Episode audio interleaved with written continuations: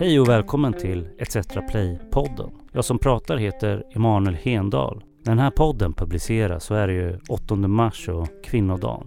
Och dagen till ära så hittade jag en filmad intervju med författaren Johanna Palmström. Alltså författaren till boken Det gäller livet. Det är en biografi om Gudrun Schyman. Och föredrar du att titta på intervjun så finns ju den även som video, om än dock något kortare. Videolänken finns i alla fall i avsnittsbeskrivningen. Trevlig lyssning! Okej, Johanna, jag vet att du har hållit på med den här boken väldigt länge. Ja. Berätta hur du först fick idén. Ja, alltså jag kommer nästan inte ens ihåg hur jag först fick idén. Men jag, hade, jag tror att det faktiskt är tio år sedan som jag började tänka att jag ville skriva om jämställdhetspolitik i Sverige för att jag tycker att det är ett så intressant politikområde och att det också har utvecklats väldigt mycket under senare tid. Och så började jag göra jättemycket research. Jag läste, jag vet inte hur många statliga utredningar och riksdagens årsprotokoll och allt. Alltså det var, ja, det var väldigt, väldigt mycket. Och i det där arbetet så dök ju såklart Gudrun Schyman upp hela tiden. Hon är ju en central figur i jämställdhetspolitiken och, och framförallt i den feministiska politiken i Sverige. Och så var det ett samtal som jag hade med, med en person och där vi båda liksom stannade upp faktiskt och, och såg helt häpna ut, eller jag kände mig i alla fall väldigt häpen och konstaterade att det finns ingen biografi om Gudrun Schyman. Då hade hon ju skrivit en självbiografi 1998 efter att hon hade blivit nykter. Men, men i övrigt så fanns det ingen biografi om henne och den tanken har inte jag kunnat släppa sedan dess. Jag tänker, eh, det var ett, ett av de där tillfällena där vi får ett förslag om en bok och sen så känner vi på förlaget men det är helt obegripligt att den här boken inte redan finns. Jag tycker det är hela tiden, varje Ja. dag. Eh, jag tänker att det också var speciellt, eh, och det skulle jag säga faktiskt är ett råd till andra som skriver en bok, det som du gjorde. Att istället för att skriva om svensk jämställdhetspolitik så väljer du en helt central figur i den historien och skjutsar fram henne i förgrunden och berättar hennes historia istället. Men när du nu har jobbat då i tio år, nu går boken till tryck Idag. idag. Jag kör sportfrågan. Hur känns det? Ja, men jag måste säga att det känns väldigt eh, overkligt faktiskt att jag är klar. De senaste, jag har ju inte jobbat med den här boken eh, aktivt i, i tio år utan mm, jag, började, jag, jag tog upp det igen 2010 när jag förstod att Gudrun Schyman behövde vara, för det var en smärtsam process kan man säga, att överge min ursprungliga idé och, och eh, förstå att det var Gudrun Schyman som behövde vara huvudperson i den här boken. Så då tog jag upp det 2010 och följde henne i valrörelsen. Eh, Och sen så hade jag inte tid på, på flera år så att jag tog upp arbetet eh, 2016. Men, men, Du var chefredaktör för tidningen Bra- Bang ja, däremellan. ja, Mm. precis. Mm. Så för två år sedan så tog jag upp arbetet kan man säga och har jobbat till största del med det här projektet. Så att, eh, alltså det känns faktiskt mest overkligt att, eh, att det är över. Är du trött? Jag är oerhört trött. Och du åker på semester? Ja, jag åker på semester om några dagar. Ja. ja, det är ju i alla fall bra. Mm. Eh, att bära ett projekt under så lång tid som tio år, Mm. går det att säga vad som var svårast? Eh, ja, ja, det tror jag att det gör. Ja, men jag måste ju säga att en drivkraft var ju att, att bli klar. Alltså att jag måste göra det här för att det skulle ha känts så konstigt om jag hade tänkt så mycket på det och ägnat så mycket energi åt det och sen liksom låtit det rinna ut i sanden. Så, så det var faktiskt en viktig, viktig drivkraft. Eh, det som har varit svårast är ju såklart urvalet. Hur Eh, menar du? Hur, vad väljer man, hur, vad, hur väljer man vad som ska vara med och vad som ska inte vara med? Det här är en ganska tjock bok, 350 sidor. Men det finns ju såklart otroligt mycket som inte är med i den här boken om Gudrun Schymans liv. Även om jag fokuserar på hennes politiska liv så har jag ju såklart valt bort oerhört mycket.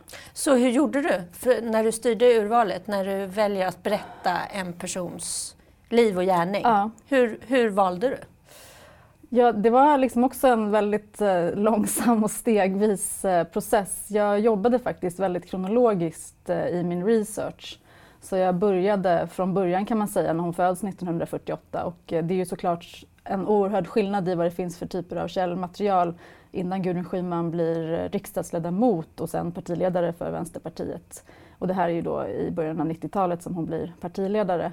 Men de här första 45 åren så fick jag ju söka helt andra typer av källor så jag har suttit väldigt mycket i arkiv, jag har gjort väldigt mycket bakgrundsintervjuer med folk runt omkring Gudrun Schyman och sen så har jag självklart tagit del av mediebevakningen som sätter igång från att hon blir Ja, men dels så filmar hon ju mycket själv och mest känt är ju filmen om hennes egen förlossning. Hon filmar tillsammans med sin dåvarande partner, dokumentärfilmaren Lasse Westman. Så de här filmerna har jag också eh, tittat på. Men sen blir hon ju eh, lokalpolitiskt aktiv i Simrishamn slutet av 1979 efter valet där. Och då börjar hon ju också dyka upp i, i lokaltidningarna. Men så, så jag har samlat material mm. från, mm. från, från de här tidsperioderna och sen så när jag har känt att så här, nu har jag nu nått så mycket som man kan veta, då har jag liksom börjat att stryka. Och det har varit men du har också tagit de här källorna och de här frågorna till Gudrun själv. Absolut. Du är ju den som har haft full tillgång till Gudrun Absolut. och det var också ett medvetet val uppfattade jag det från Gudruns sida. Att det var dig som hon valde att prata med. Ja, det, ja, det kan man väl säga. Det, det kommer ju en, en dokumentärfilm om Gudrun nu som kommer ha premiär i, i sommar också. Så hon, eh, det, var, det låg ju i tiden. Det var inte bara jag som insåg att den här människans otroliga karriär och påverkan i Sverige behöver skildras. Eh, men absolut, att hon, eh, ja, hon, hon, tyckte att det var kul när jag hörde av mig första gången och lät mig följa med i valrörelsen 2010 och var med ganska obegränsat faktiskt mot löfte att jag inte skulle publicera någonting förrän efteråt. Då. Och det blev ju ganska många år efteråt kan man säga. Och jag som också har följt dig vet att du har funderat mycket kring alltså självständigheten i förhållande till den som du intervjuar mm. och den som du skildrar. Ja. Hur har du tänkt där? Du menar liksom hur man...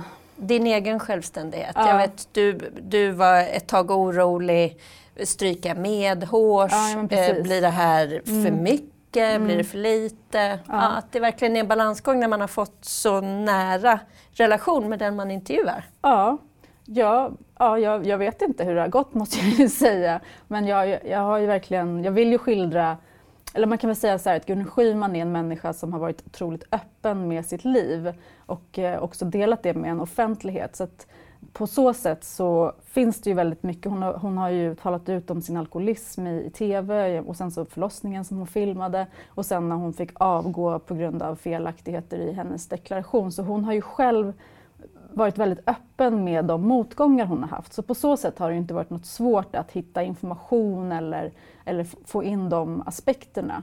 Men absolut, det är klart att jag har funderat över var man landar någonstans. Gudrun Schyman är ju en människa som de allra flesta påverkas, väldigt, påverkas av, ska jag säga, mm. När, mm. när man är i närheten av henne. Och, och, vissa tycker att hon är rolig och, och entusiasmeras och, och, andra känner ganska starkt att de vill ta avstånd från hennes åsikter eller hennes person. Men hon berör ju och det är väl det där som jag har liksom försökt ja, var tvungen att jobba med, med själv, hur man hanterar det. Men som sagt, jag vet inte hur det, hur det gick. jag tycker det gick väldigt ah, bra. Tack. Eh, en sak som jag tänker på som läsare eh, det är ju att du skildrar en person som egentligen har rätt så dåligt minne. Ja. Eh, alltså det här är en person som, ibland undrar jag om hon minns vad hon åt till frukost faktiskt. Ja. hur hanterar man det när man ska beskriva någons historia? Mm. Jo, men alltså, hon brukar ju säga att hon har eh, små backspeglar när hon inte minns saker. Och det, och det här händer ganska ofta. Nej, men så det blev ju en anledning till att, att jag har gjort, suttit i de här arkiven och läst, jag vet inte hur många artiklar från, från mediebevakningen genom åren. Det har ju varit en nödvändighet för att kunna bilda mig en, en upp, få en uppfattning om hennes liv och viktiga händelser. Och det har också varit så, jag fick till exempel tillgång till VPK Simrishamns Tomelillas verksamhetsberättelse som var otroligt välgjorda med faksimil från, från pressen och sådär. Och då kunde jag ju säga till henne, hur var det när ni skulle protestera mot aluminiumburkarna i Simrishamn som VPK där ville förbjuda lokalt? Eh, och då, när då? Det här var i början av 80-talet någon gång. Så väldigt tidigt? Ja, innan, innan pantsystemet kom så ja. ville man förbjuda den här energikrävande aluminiumburken men Gudrun Schyman uh. kom ju då från folk, hon hade varit jätteaktiv i folkkampanjen mot eh, kärnkraft, så det här var ju viktiga frågor för henne.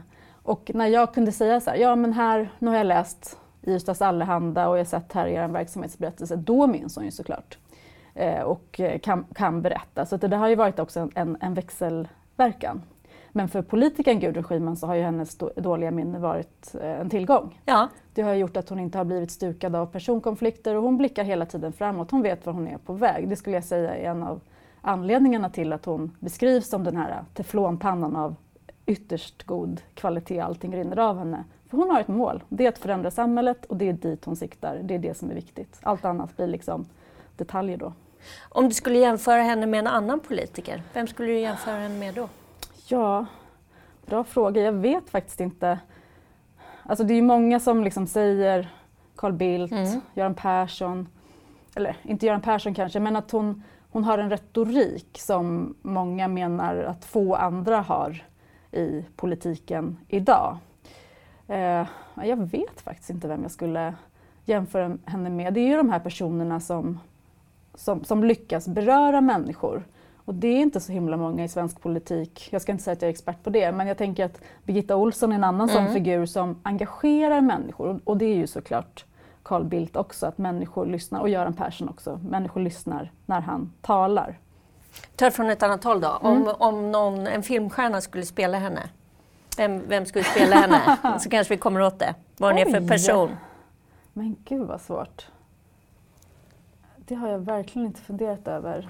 Nej, jag vet, för du är så himla duktig. Ja, okej. Uh, alltså det är svårt att inte säga Jane Fonda eftersom Jane Fonda uh, kom till Sverige 2006 och skulle liksom hjälpa Fi in i riksdagen. Det gick ju inte så bra. Men så, ja, så på så, det, är just, ja, det skulle, hon skulle, det skulle göra, bli hon skulle film. göra det bra. Mm. Det skulle hon verkligen. Mm. Mm, vi tar henne då. Finns det böcker och författare som du har hämtat särskild inspiration ifrån? Som gäller Gudruns liv eller att skriva? Nej, att skriva. Ja, men absolut. Um, alltså jag har ju läst... Uh, alltså jag började med, med att läsa ganska mycket olika biografier och för att få en, för att få syn på genren kan man säga. Och, och det är ju det är roligt. Um, när det gäller skildringar av svensk politik då skulle jag väl säga att Maggie Strömbergs bok om, om Miljöpartiet uh, har jag liksom tittat, uh, den har jag inspirerats av mm. i hennes mm. upplägg och hur hon har, hur hon har jobbat. Får jag fråga en uh, konkret fråga kring mm. det? För Mag Maggie skildrar ju ett partis ja. historia mm. och du skildrar en persons ja. historia.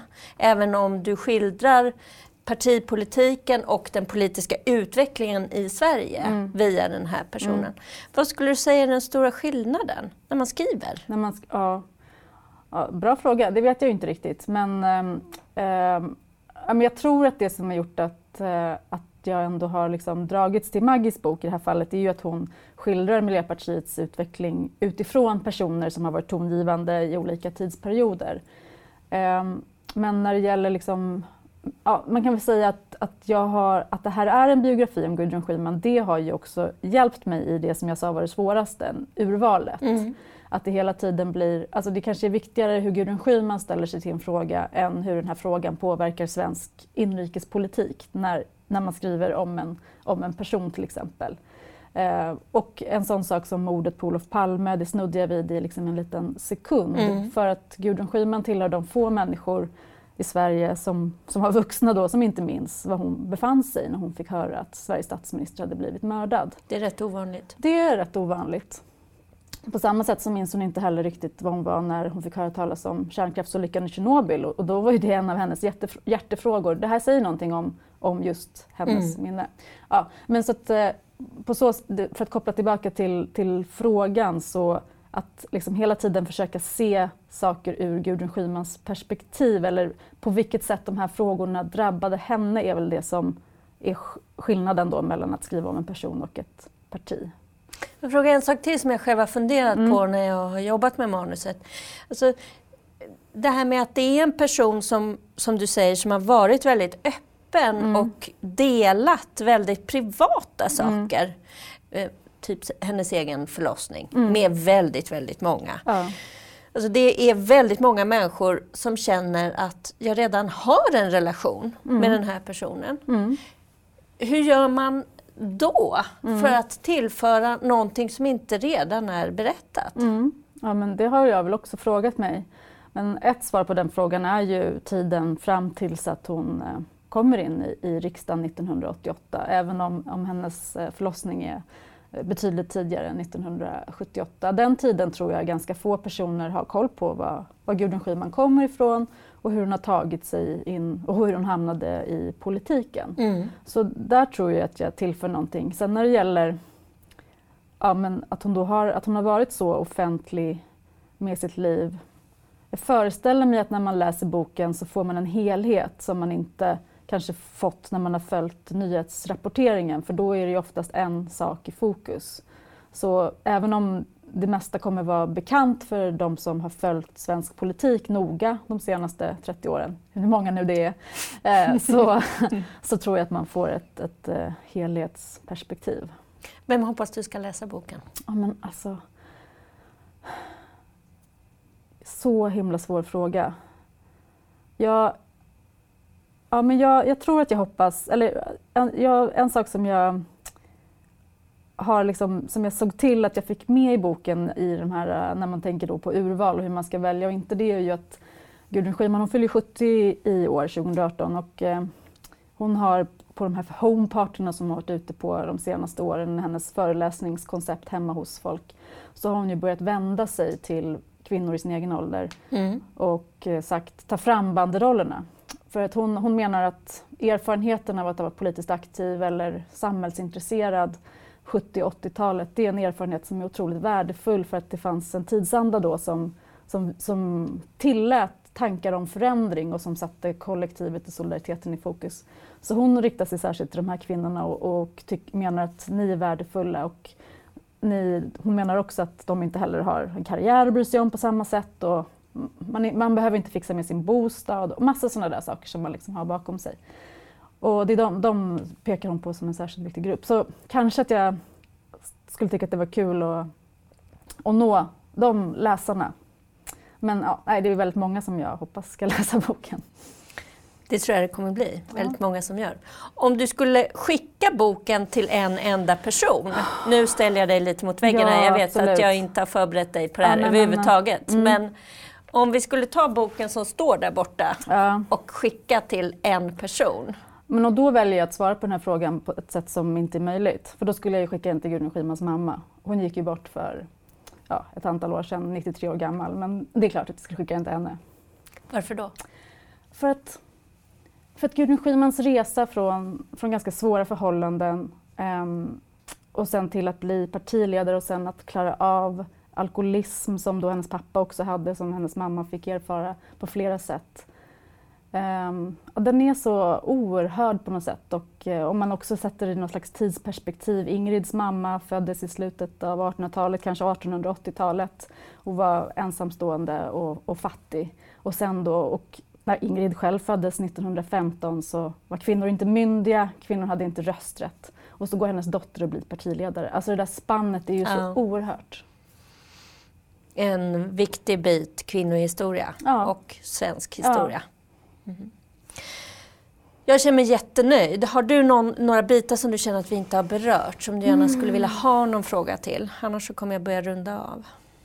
Nej, jag tror inte det. Nej. Du är, liksom, du är helt fantastisk. Ja. Alltså vilket jävla samtal, vi bara nailar det. Eh, jag tänker så här, mm. nu går boken på tryck ja. idag. Ja. Du åker iväg på semester mm. innan du ska börja göra intervjuer och framträdanden ja. och release och eh, annat som ja. hör författandet till. Eh, vad finns det, kommer du läsa någonting under din semester? Eller kommer du bara lägga upp benen och äta praliner? Nej, absolut. Jag kommer läsa. Verkligen. Vad kommer du läsa? Jag ska åka till Sicilien så jag tänkte att jag ska ta mig an Elena Ferrantes, den här, hennes den trilogin eller vad det är som har kommit på svenska som jag inte hunnit eh, påbörja ännu. Så jag, där tror jag att jag ska börja. Och sen, ja, jag vet inte, jag har en lång lista bland mina favoriter på biblioteket så jag ska se vad jag ska välja. Åh, oh, vad bra. Mm. Tack för att du inte gav upp utan ägnade dessa tio år åt Gudrun Schyman. Ja, tack. Tack Johanna Palmström och tack Moa Elf Kalén. Om ni blev lika sugna som jag blev på att läsa den här boken så finns den även som ljudbok. Tack för den här gången och på återhörande.